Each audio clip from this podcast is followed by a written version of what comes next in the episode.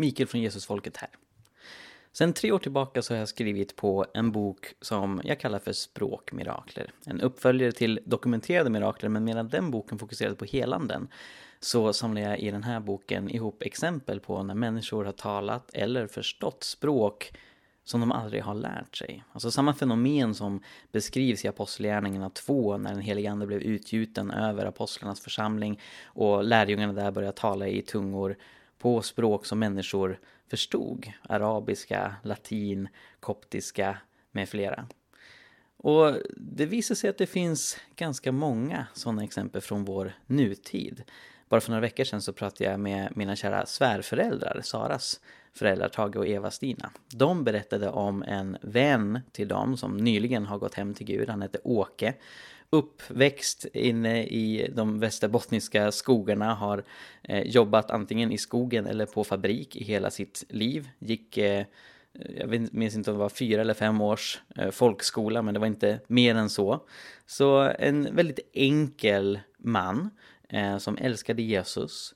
Och eh, han var tillsammans med Tage och Eva-Stina och några andra på en eh, nyårskonferens eh, Eh, för ett antal år sedan. Och eh, där så bad de tillsammans för det nya året, Åke talade i tungor. Och så var det en kvinna där som var läkare och som sa att Vet du vad Åke, du talade latin. Så den här kvinnan som heter Henny, hon sa att det var klassisk skolboks latin, ren och klingande som han talade och eh, ja, men pratade om Guds storhet och Guds nåd. Och Tage och Eva-Stina beskrev hur vackert det var att denne Åke från skogen i Västerbotten eh, liksom sa, upprepade flera gånger den kvällen i eh, Fredrika Tänk att jag fick tala latin. Och ja, jag älskar att ta del av sådana här berättelser. Jag har eh, samlat ihop en hel del exempel här från Sverige men också från andra länder och jag har haft stor hjälp av en bok av amerikanen Jordan Daniel May. Han har skrivit boken Global Witnesses to Pentecost där han ger mängder med sådana här exempel, framförallt från USA där människor talar eller förstår språk som de inte har lärt sig genom den heliga Andes kraft. Och jag fick chansen att intervjua Jordan. Det här var ett litet tag sedan. Jag hade fått för mig att jag redan hade lagt upp den här intervjun i Jesusfolket, så den är faktiskt två år gammal. Men den är förstås fortfarande lika aktuell. Jordan delar med sig av fler exempel på när människor eh, talar eller förstår språk de inte kan. Och han har, precis som jag själv ämnar att göra, eh, verkligen eh, lagt manken till för att det ska vara väldokumenterat, ha flera vittnen till varje händelse tydligt, specificerar var det hände, när det hände och, och vilka som var involverade. Och till skillnad från mitt projekt med dokumenterade mirakler så kommer de här språkmiraklerna förmodligen inte vara lika övertygade för den som är ateist. När det gäller helanden så har vi läkarjournaler som vi kan peka på som både troende och icke-troende kan hålla med om är en auktoritet som vi ska ta seriöst. Här handlar det om att i grund och botten inte bara kunna dokumentera att en person talade ett språk vid ett visst tillfälle, vilket ändå går att göra med stor sannolikhet. Men någonstans så behövs det en bevisföring för att personen i fråga inte visste någonting, nämligen att de inte visste det här språket eller eh, de här orden. Eh, och det är jättesvårt att bevisa. Jag tror inte man kan nå upp till samma sorts bevisribba som jag hade för när jag skrev eh, dokumenterade mirakel om helanden. Men kanske behövs inte det. Kanske är de här typen av eh, dokumenterade händelser mer till hjälp för den som är öppen för det mirakulösa eller som har en grundläggande tro på det mirakulösa. Men kanske tvivlar och undrar är det här faktiskt någonting som eh, är på riktigt? Och eh, jag vet att just tungotal är det många kristna i Sverige som har brottats med. Det har funnits en hel del press kring det här. Det var något som jag och Sara pratade med Daniel Alm, föreståndare för pingströrelsen, när han var med i podden för två år sedan.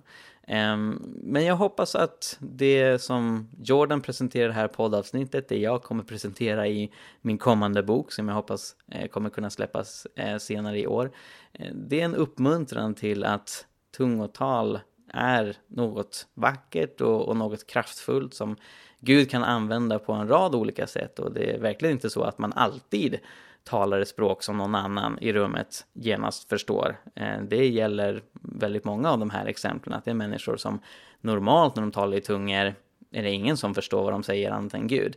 Eh, men eh, det här är väldigt uppmuntrande exempel på när Gud tydligt leder ens tunga att eh, säga saker på ett existerande mänskligt språk för någon annans uppmuntran. Och det finns något kraftfullt i det, något som berättar om evangeliets internationalitet, att eh, Gud inte tar eh, fördel eller ställning för en viss folkgrupp utan vill nå ut till alla folk och att evangeliet är till för alla och att eh, han vill bryta ner murarna mellan oss och det tror jag verkligen är ett budskap som behövs i den här tiden.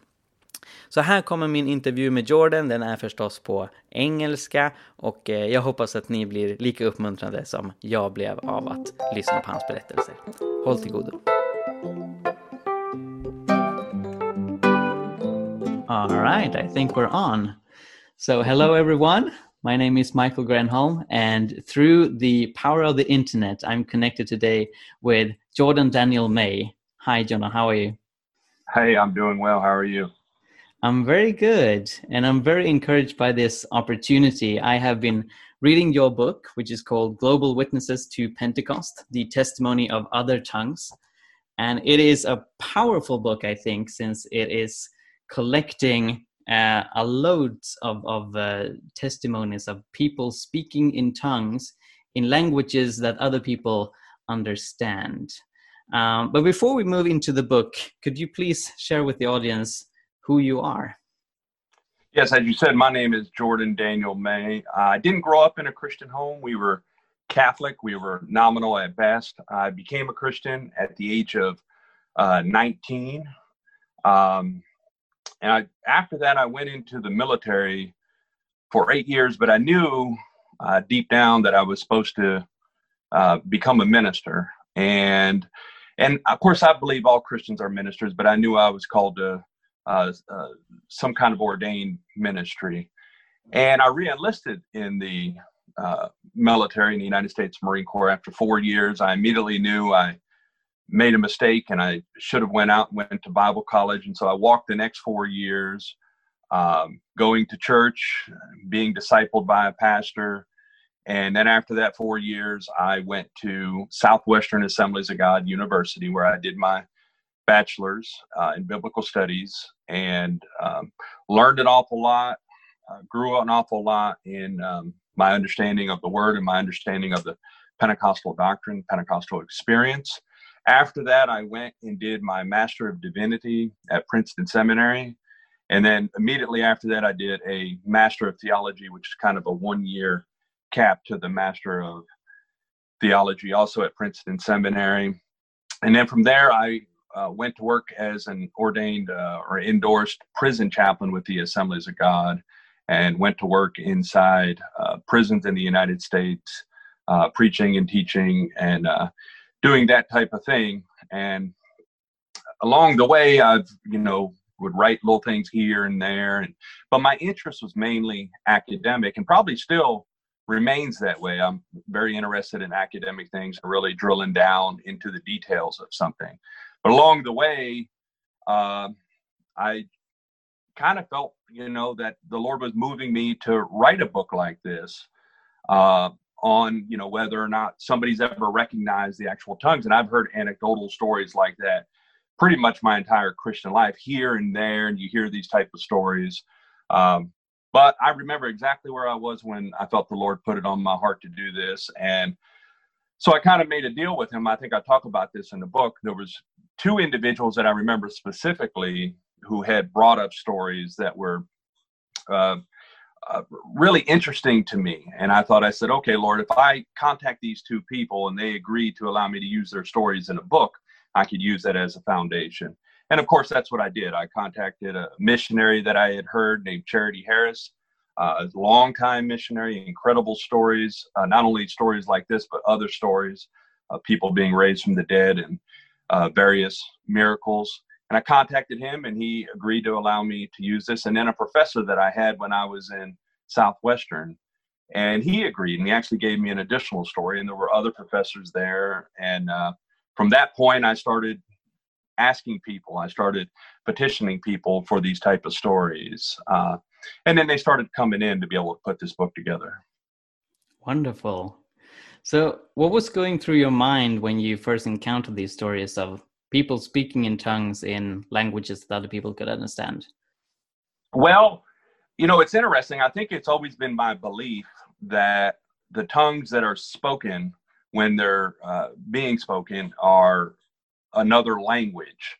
Uh, we talk a lot in Pentecost or Pentecostal churches about a heavenly language or language of, of angels, and I don't have a problem with that. I know there's a lot of people who uh, believe there's an unknown tongue that's a heavenly language that's not known anywhere.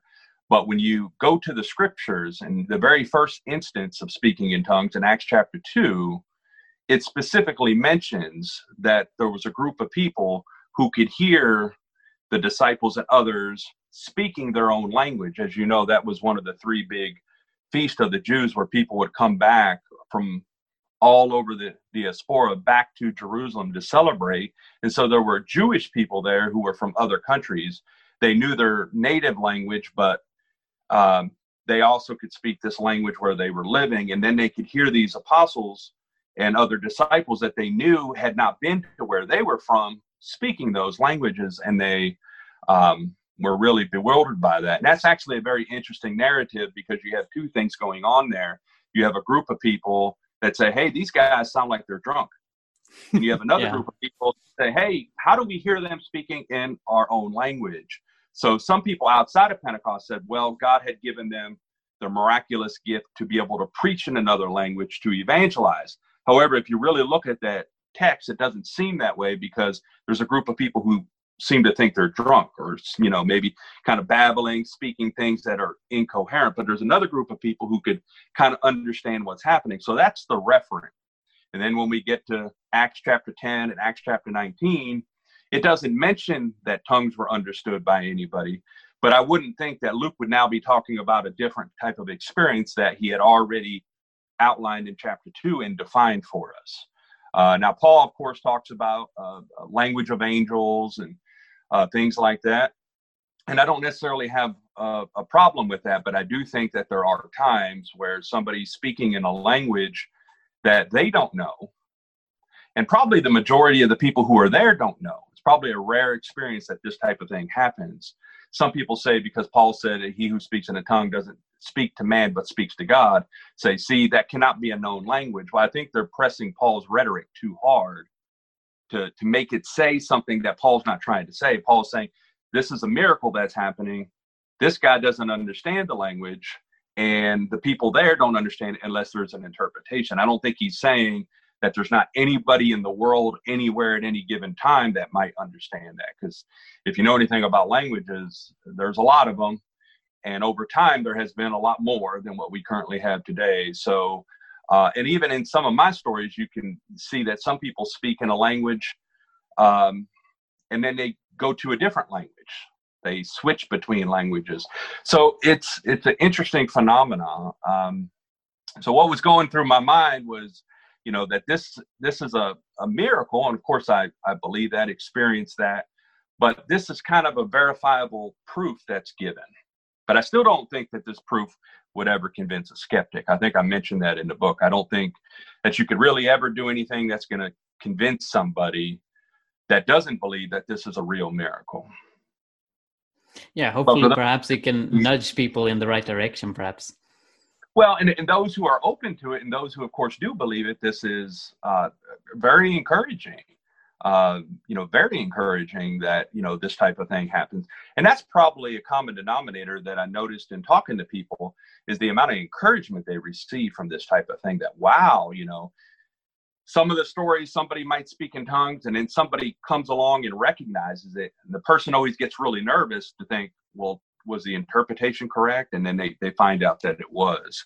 Uh, but it's always very encouraging to know that, wow, th- this thing is real. God's really doing this and uh, God's in it and, and this is a miracle. It's a miracle to be able to speak in a language you've never learned. Yeah. And I, I really appreciate the way that you have put this together. Uh, one thing that annoys me is that a lot of people, especially skeptics, uh, but also cessationist Christians who don't believe in um, the modern usage of tongues, they will usually say that you know tongues is just babbling. You never encounter people who actually speak an existing language, right? And so when I have given examples that I have uh, come across earlier, the common response then is that well those are stories from far away and you can't trust them. But i really appreciate the way that you put this together because it seems like you are really careful to include a lot of names. You include first name and last names. You give reference to what what kind of people uh, there were. And if you if you can track down several witnesses to a miracle like this uh, you name them so was, was that sort of the strategy when you started the book that uh, you wanted it to be transparent and if people will, will, would give their admission, of course, that you would write out their name so that people will, will realize that this is more than than you know just uh, uh, anonymous anecdotes from from somewhere right. where you can't track it down. Yeah, that that's exactly right. I, I think in the very beginning, when the, the two gentlemen agreed to give me their stories. I thought that this was going to be a very short work, something under maybe 50 pages, and it'd be kind of devotional. Then, uh, as the stories grew, I started to realize, okay, this is kind of taking a life of its own. And that's what I wanted to do. I wanted to have as many people as possible.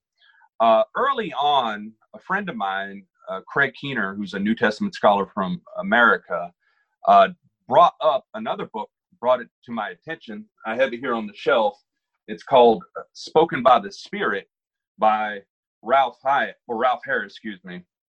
And I had known about this book in the past, but I had totally forgot about it. But this is a book like mine, but from decades before. And so I kind of looked at his book and kind of started to use his as a template. Now, none of the stories that I have in my book are repeated from this book.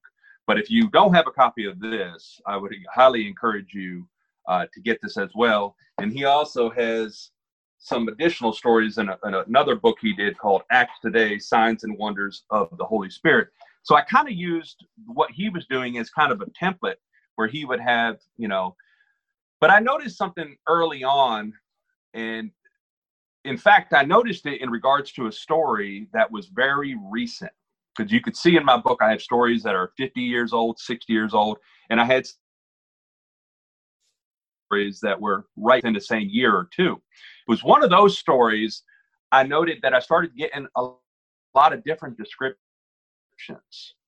Somebody said, "Hey, this is what happened," and then somebody else, uh, you know, I would ask them, "Well, who else was there? You know, you know, who could I talk to?" And then I would contact that person, and they would tell me kind of a different story, but the the same miracle happened, but some of the things that surrounded it. So I started saying, I need to do a little investigation here because even something that's brand new that just happened the year before, I'm getting kind of different stories. And so then I would try to get to the original person, the principal. And in that case, I did. I got to the original principal and then was able to put that story down. So I realized I need to do a little investigation here in order to make sure this is accurate. I wanted to make sure it was accurate as possible and if I, I think I said in the book, if I had a doubt, I left it out. And there were a few times that there was, there was some doubts. There was one time that a very famous missionary in my movement was telling me a story, and then all of a sudden he backed off of it and uh, wouldn't give me any more. And uh, I, through different details and stuff, I came to the conclusion that was probably not a hundred percent authentic story. So I wanted to make sure that my stories were as authentic uh, as possible. That's really good. All right, should we dive into some of the stories then? Sure. Um, your book continuously came up as a reference when I was asking around for the research of my own book project on a similar theme.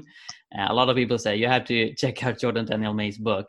And one of those who said so was a secretary of Mark Rutland. Uh, because I reached out to Mark Rutland after somebody gave me a tip that this guy actually spoke Spanish without knowing Spanish when he was off in Mexico.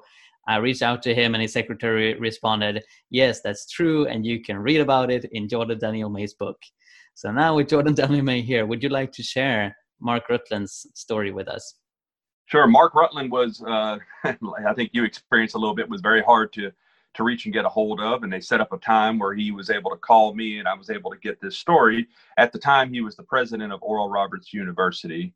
He told me this incredible story. Many of my stories are stories of somebody who speaks in a tongue. Somebody recognizes that a real language, whether it's interpretation given or not. Uh, but most of the stories are that way. They're not all that way. And Mark Rutland's story is, is one of those that's a little bit different. Mark Rutland goes down to uh, Mexico to uh, on a missions trip, and he goes and he preaching in different places along with the team. And there was a time that he went to a specific village and to a specific church, and there was no interpreter there. And the pastor could speak a little English, but as you know, to be able to interpret when somebody's preaching is a whole different ballgame than just being able to maybe understand a few words here and there. So the interpreter never showed, and the pastor asked uh, Mark Rutland if he would just get up and maybe say a few things. And so he did. He got up and he said a few things, and then he realized that he was saying some stuff in Spanish. And he thought that was kind of odd because he didn't know Spanish. And he continued to speak, and he thought to himself, this is what he told me, well, maybe I picked up these words from the last stop. But he realized that he could continue to speak, he can continue to talk. And his father, who was on the mission trip with him, was on the back row, and his father stood up and said, "Mark, what's going on? What what, what is happening?" And Mark said, uh, Mark Rutland said to him, "Well, it's a miracle. I don't know." And he continued to uh, uh, preach this sermon in Spanish. Now, uh, Brother Rutland, Rutland was uh, he, he was very adamant to let me know that the Lord didn't give him Spanish. The Lord gave him the words for that sermon, and those words have remained with him, but not the entire language. So he was very adamant about that, that not that the Lord gave him the language and now he could speak Spanish, even though he's never taken any formal classes or anything like that. But those words that he used in that sermon have remained with him, and he's able uh, to speak those and understand what they meant. So that's not a usual story. That's the only type of story. That's the only example of that type of story uh, that I've come across. Um, and that lets you know that um, uh, God can't be put in a box. God can utilize this gift in many different ways. That's so interesting. Uh, I myself had the privilege of knowing a missionary here in Sweden called Rickard Lundgren, who went to Albania when he was 18 years old and when he was there, he discovered that Albanians uh, back then, there was in in the early 90s, and they didn't speak Swedish and they didn't speak English either. Uh, many of them. So he was sort of stuck in this position, being a missionary in a country where nobody understood him. Uh, but he prayed and he woke up the next day, knowing Albanian. He he looked at the uh, clock beside his bed, and he, the Albanian word for clock just popped into his mind, and then he when he went out uh, on the streets talking to people, it turned out that uh, he spoke Albanian in a very specific accent, the sort of uh, northern countryside accent. People, you know, viewed him as a hillbilly. uh, and and he got sort of the whole language downloaded, and he speaks it to this day, thirty years later. Uh, wow. But I have not heard about uh, the kind of miracle you, you describe, where a person gets a sermon in a specific language and he still knows the words from that sermon but not the entire language which is in some way i think even more fascinating because then it's it's you know really clear that that uh, it isn't the result of a, a general spanish speaking class but a very specific point in time. So i'm glad that you shared that.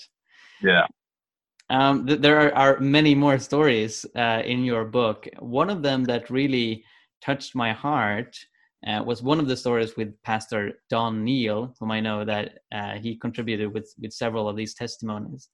Uh, but something that really touched me was uh, his story about when he got this conviction that a woman called Hilda Compton uh, was contemplating suicide and, and he went to her home. Could you share that story with us? Yeah, Don Neal, um, I never had a chance to speak with him because uh, at the time he was uh, too sick at the time that these stories were given to me, but I spoke extensively with his wife and other members of his church in New Iberia, Louisiana. As you mentioned, he contributed uh, five stories, and then there was a member of his church who contributed another story. So there was a, a lot of activity of the Spirit in his life. And there was that one instance you mentioned where he just he had this sense that he was supposed to go pray for this person. And one thing I can tell from talking to his wife was this was a man who was uh, clearly led by the Spirit.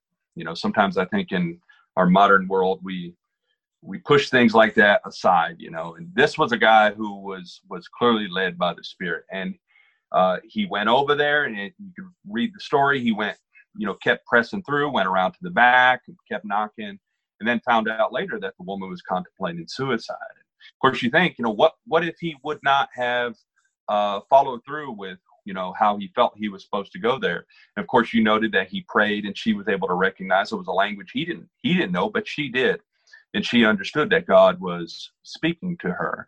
That's just it was. You know, uh, I think it was Italian. Italian, and that's just another. You know, I guess you know, especially in North America, we like to have everything categorized, and when it comes to speaking in tongues, even among those who are Pentecostal and adhere to this experience, we like to, you know, talk about the experience. Uh, you know, is it vertical? Is it horizontal? Uh, does there always have to be an interpretation if it's in a church? Is that somehow different than a prayer language? We try to put everything in these different boxes. Uh, you can see from these stories, and the, the two that, that are mentioned here, they're different, but they're utilized by God. The same function is happening. Somebody speaking in a language or praying in a language that they don't know. God is giving them the words to speak, and they're able to do that and there's some kind of effect that happens that that was the god desired effect whether it's a sermon being preached in a place where the interpreter didn't show up. I don't think that's normative for example. I don't think somebody can go in front of a church and expect god to do that but god can do that. Same thing with you know being nudged to do something going and then praying and realize you're praying in the spirit. You don't know the language but that touches somebody else. There there if i could throw in there was a story in here uh, about Moses Cao. Moses Cao was a Vietnamese uh, pastor who used to come to the United States to raise money. In fact, he, I believe, pastors in California now. He's permanently here. But there was an experience that he had that was recorded in another book by Thomas Trask, the former superintendent of the Assemblies of God from the 1990s and early 2000s. And it mentioned the person's name, Sandra Kirshner. It mentioned her name of the person who gave the message in tongues at this church where Moses Cao was. And I looked her up. I called the pastor of the church because the church was mentioned, and then I found her. And when I talked to her, she mentioned to me that this was the first time, and this had been several years 10 plus years, maybe close to 15. This was the first time that she was able to actually speak about this without getting too emotional. Because this is a woman who would pray and speak in tongues uh, regularly, but this time she noted it was different.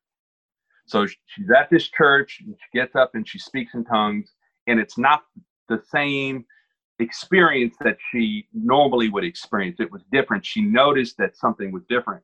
And if you go and you read that story, you can see that there's an encouraging word given, and then there's uh, she switches in a dialect. She's speaking in the South Vietnamese dialect, and then all of a sudden she switches to the North Vietnamese dialect. She doesn't know, but Moses Cao, the missionary who was there at that church, recognized it. And he later said that he was actually contemplating quitting the ministry. He was just getting too frustrated.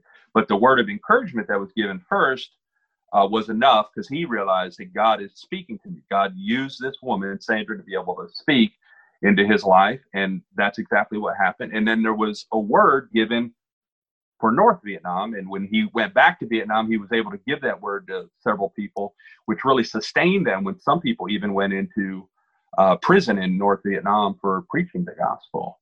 So these stories, they, they don't always fit in these neat categories that a lot of times uh, Pentecostals like to put everything in this box or that box. Sure. And and it's amazing to see, I think, how God uses this gift in so many various ways. So several of these messages, they of course glorify God, when people actually speak in tongues in a way other people can understand, a lot of times it's praises, they quote Bible passages, they thank God for what He's doing. Other times, you also have examples of people prophesying in other languages. For example, I remember uh, you write about uh, a young boy in Togo who was actually speaking in English and prophesying over a couple visiting their missionaries uh, that they would um, conceive a son uh, while they had not been able to conceive for several years. And so that's sort of a prophetic message through the gift of tongues. And then you also have the evangelistic messages when people are, are told to repent, when people are told to come to the Lord. And well, I think that's, that's amazing to see. Well, and that, that's what I was mentioning earlier about the there, there's a debate in North America about wh- whether or not when somebody speaks in tongues, is it always vertical between the individual and God or horizontal? Um, a Pentecostal scholar by the name of Gordon Fee a long time ago made it very popular to say that tongues is always vertical. It's always between you and God. And so if there's going to be any kind of interpretation, it's going to be a praise or a thanksgiving given to God.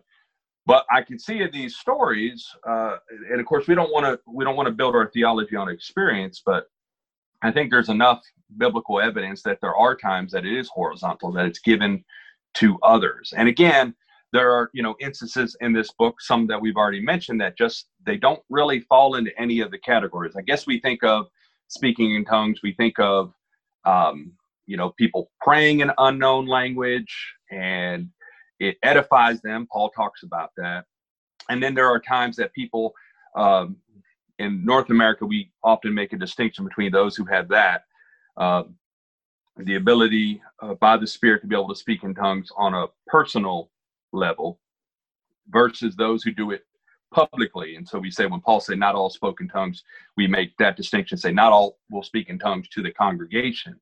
Uh, but sometimes that happens. And of course, I have stories uh, like that too, where there's a missionary there or somebody in the congregation who, uh, who recognizes the language uh, that was given. But again, you know, uh, the stories here, Mark Rutland being a very good one, good example to say that things just don't, you know, fit in a box. And then there's names escaping me now, but off one of the islands in England, there was a pastor who had there was a tongue given, and then there was somebody who got up and read First Corinthians 13. Yeah.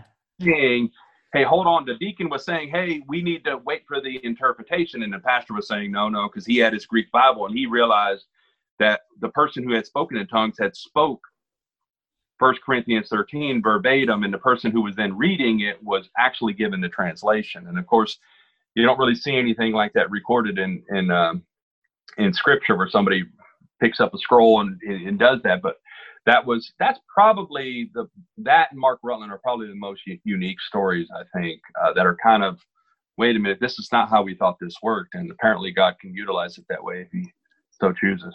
Yeah, I, I, love those stories, and I, I, can fill in the details. So this was on the uh, Isle of Wight, which is in England, as you said, uh, in 1972, in Elim Pentecostal Church. So there was a woman called Margaret Watkins who was sharing a message in tongues, and when she had finished with that um, message, uh, another person in, in, the congregation called Fred Dives opened his Bible, started to read from First Corinthians 13 and um, you know one one of the um, assistants in in the church went to the pastors protesting against this, saying we, we should probably give the interpretation before we read from the Bible. But the pastor said this, this is fine, and he was called Ian Hull. And then when um, the passage had been read, uh, he told the church that the tongues that Margaret had given was indeed First Corinthians 13 in Koine Greek, the original language in which the New Testament was written. I love that story. That that is so amazing in in so many different ways. I remember when the pastor gave me that story, and he he asked me, he said, "Do you do you think you could utilize this story? Is this the type of thing you're looking for?" And I was like, "Yes, absolutely. This is uh, this is the type of thing I'm looking for." You know, in the beginning, I started petitioning people I would send emails out to people. I think I sent emails to most of the uh, district superintendents of the Assemblies of God. The American Assemblies of God is broken up into, we have a national headquarters in Springfield, Missouri, but we have different districts uh, that usually correspond to states, but not always. I sent uh, emails to all of them, and I started receiving responses from people that they would then send emails to. So it kind of it kind of got got around. Um, and yeah, most of the people were were overwhelmingly happy about giving this type of story. And uh, you know, there was there was one story I, I received from um, uh, a former missionary to Africa, and the language was Kusaal. And there, there's a couple stories in in the book uh, from that. And there was a story where there was a, a, a girl who had received the baptism of the Holy Spirit at an altar in front of the church and spoken this language Kusaal that the pastor who used to be a missionary, this was in the state of Wisconsin, recognized. And it was kind of a warning to one of the deacon's sons.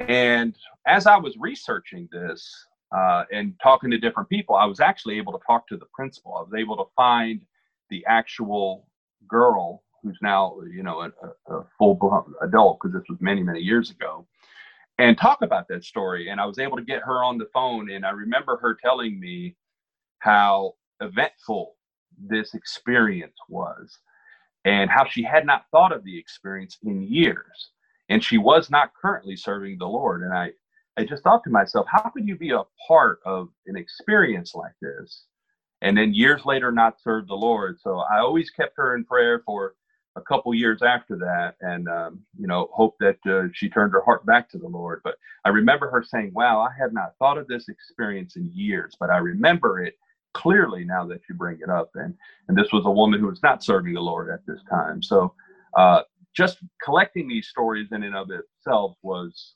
a uh, an experience for me. and in early on, I kind of met with some roadblocks, especially with talking to possible publishers and things not working out the way that I wanted them to work out. I remember thinking, I'm just going to retire this book. I'm just going to quit and um, put it up maybe for a later day. And I had been working on a story and kind of writing stuff, and I fell asleep behind the computer. I was in uh, my living room and I had my computer and I fell asleep and I woke up probably about 2:30 in the morning. And I woke up because I heard a little chime. Somebody had sent me an email, and it was a missionary, uh, uh, Ralph Hyatt, who's in the story, who's a missionary to uh, Argentina. And his wife had just died two weeks before, and he was actually on his way to go back to Argentina. And I remember thinking, wow, this guy who's a missionary who just lost his wife, came back to the United States to bury her, is on his way to go back to the mission field. I can continue with book. And so it continued, and of course, he contributed a great story. Um, his story was uh, different in the sense that it, it, was a first experience for him where he was praying for a group of people in Argentina, a lot of farmers, uh, people who would not know English. And he kept feeling like the Holy Spirit was there, wanting to baptize people, but for some reason people weren't receiving. And he prayed and he said, "Well, Lord, let let let uh, let, let somebody speak in English if this were real." Well, prior to that, he kept feeling like he was supposed to tell the congregation that if you hear words in your head, it's okay to speak those words. He had never experienced anything like that, and he wrestled with God uh, for over an hour about whether or not he wanted to give that message to the group. And so he did. And then he said, Well, Lord, if this is real, let somebody speak in English. And of course, I think he says in the book he heard somebody speaking in California English. I'm not sure what California English is, but uh, uh, there's another story where somebody mex- mentions a Texas draw. I know what that is, but uh, um, anyhow, so he had given me that story. I woke up in the middle of the night and I thought I can continue to move on with this book. Uh, if this guy can come back and bury his wife and then go back to Argentina on the mission field. He gave me that incredible story. Hmm, that's powerful. Yeah, and, and I and many others are really blessed that you finished this work and got it published. Uh, it's a great book. Um, before we wrap up, I wonder if there is something that these testimonies have spoken to you concerning who God is. So what what what do these kind of miracles say about the character of God and what God wants to do with our lives? Well, it, for one, it said that God is a God of communication. He wants to communicate. Uh, I think the uh, you know Catholics look at us as free moral agents, and Protestants look at God in a, a very sovereign way. And I think Pentecostals come along and we look at God in a way of communication, that there's something about each of us that we have to communicate, and that's reflective of how God created us in His image. And we have to be able to communicate. We have to be able to uh, talk and, and do those things. Uh, and I think the miracle of Pentecost is God putting His kind of thumbprint on our our mission. And I don't, if you know anything about Azusa Street, there were a lot of people in the very beginning who thought, and they had a real experience. I mean, the experience was so dramatic for them that they actually believed they could sell all their goods, get on a boat, land in China, and be able to speak in Chinese. And more often than not, that didn't happen. So it's not necessarily that I think God gave this in order for that type of thing to happen, but I think He gave this to us as a reminder that we're supposed to be able to transverse across to other languages and other cultures and uh, other communities. And there are those those times that you know we we've talked about a few today where that type of thing happens, but uh, we are to be uh, the body of Christ are supposed to be His communication to the world. We're supposed to bring His love and message of His grace uh, and redemption to every tribe and every tongue. And um, I, I, think that's what Pentecost is ultimately about. It's about reminding us that that's who we are. Uh, so I, I don't necessarily believe that somebody will receive the baptism of the Holy Spirit and be able to go and speak in another language and, and preach to people. But every time you speak in tongues, you should be reminded that there are those who don't speak your language that need to hear. There's other people around the world that need to hear the message of God's love and grace. Amen. And by the way, I love the title, Global Witnesses of Pentecost. It, it really hammers home this thing that you mentioned that that, that is uh, not only about communication, but international communication and God wanting his message to go out to all peoples around all the world. And as you well, say, it's a, it's a great reminder. I have to give credit to the publisher uh, for that, the Centers for uh, Pentecostal Theology in Cleveland. I had originally named it just uh, a witness to Pentecost. Uh, I think the witness of other tongues uh, throughout the globe or something, and they moved the globe to the front of it. So, uh, and, and and and they did a, a good job in doing that.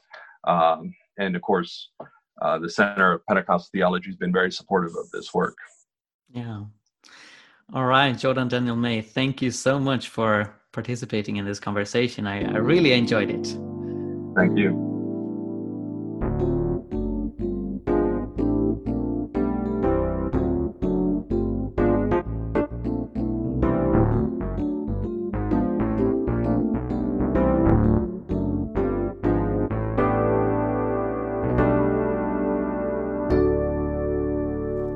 mycket för att du lyssnar på Jesusfolket. Om du vill höra mer så se till att prenumerera på iTunes, Spotify eller valfri podcastapp. Du kan också lämna en recension, vilket är en eh, liten grej att göra som hjälper oss väldigt, väldigt mycket, så det uppskattar vi verkligen. Ehm, du kan också läsa vår blogg, Hela Pingsten. Vi har mängder med artiklar där om andens gåvor, evangelisation, fred, rättvisa och allt möjligt annat som har med lärjungaskap att göra, så kolla in det. Och vi finns på sociala medier, du kan följa både Jesusfolket och hela pingsten på till exempel Facebook. Tack så mycket, Gud välsigne dig och eh, fortsätt vara en del av Jesusfolket.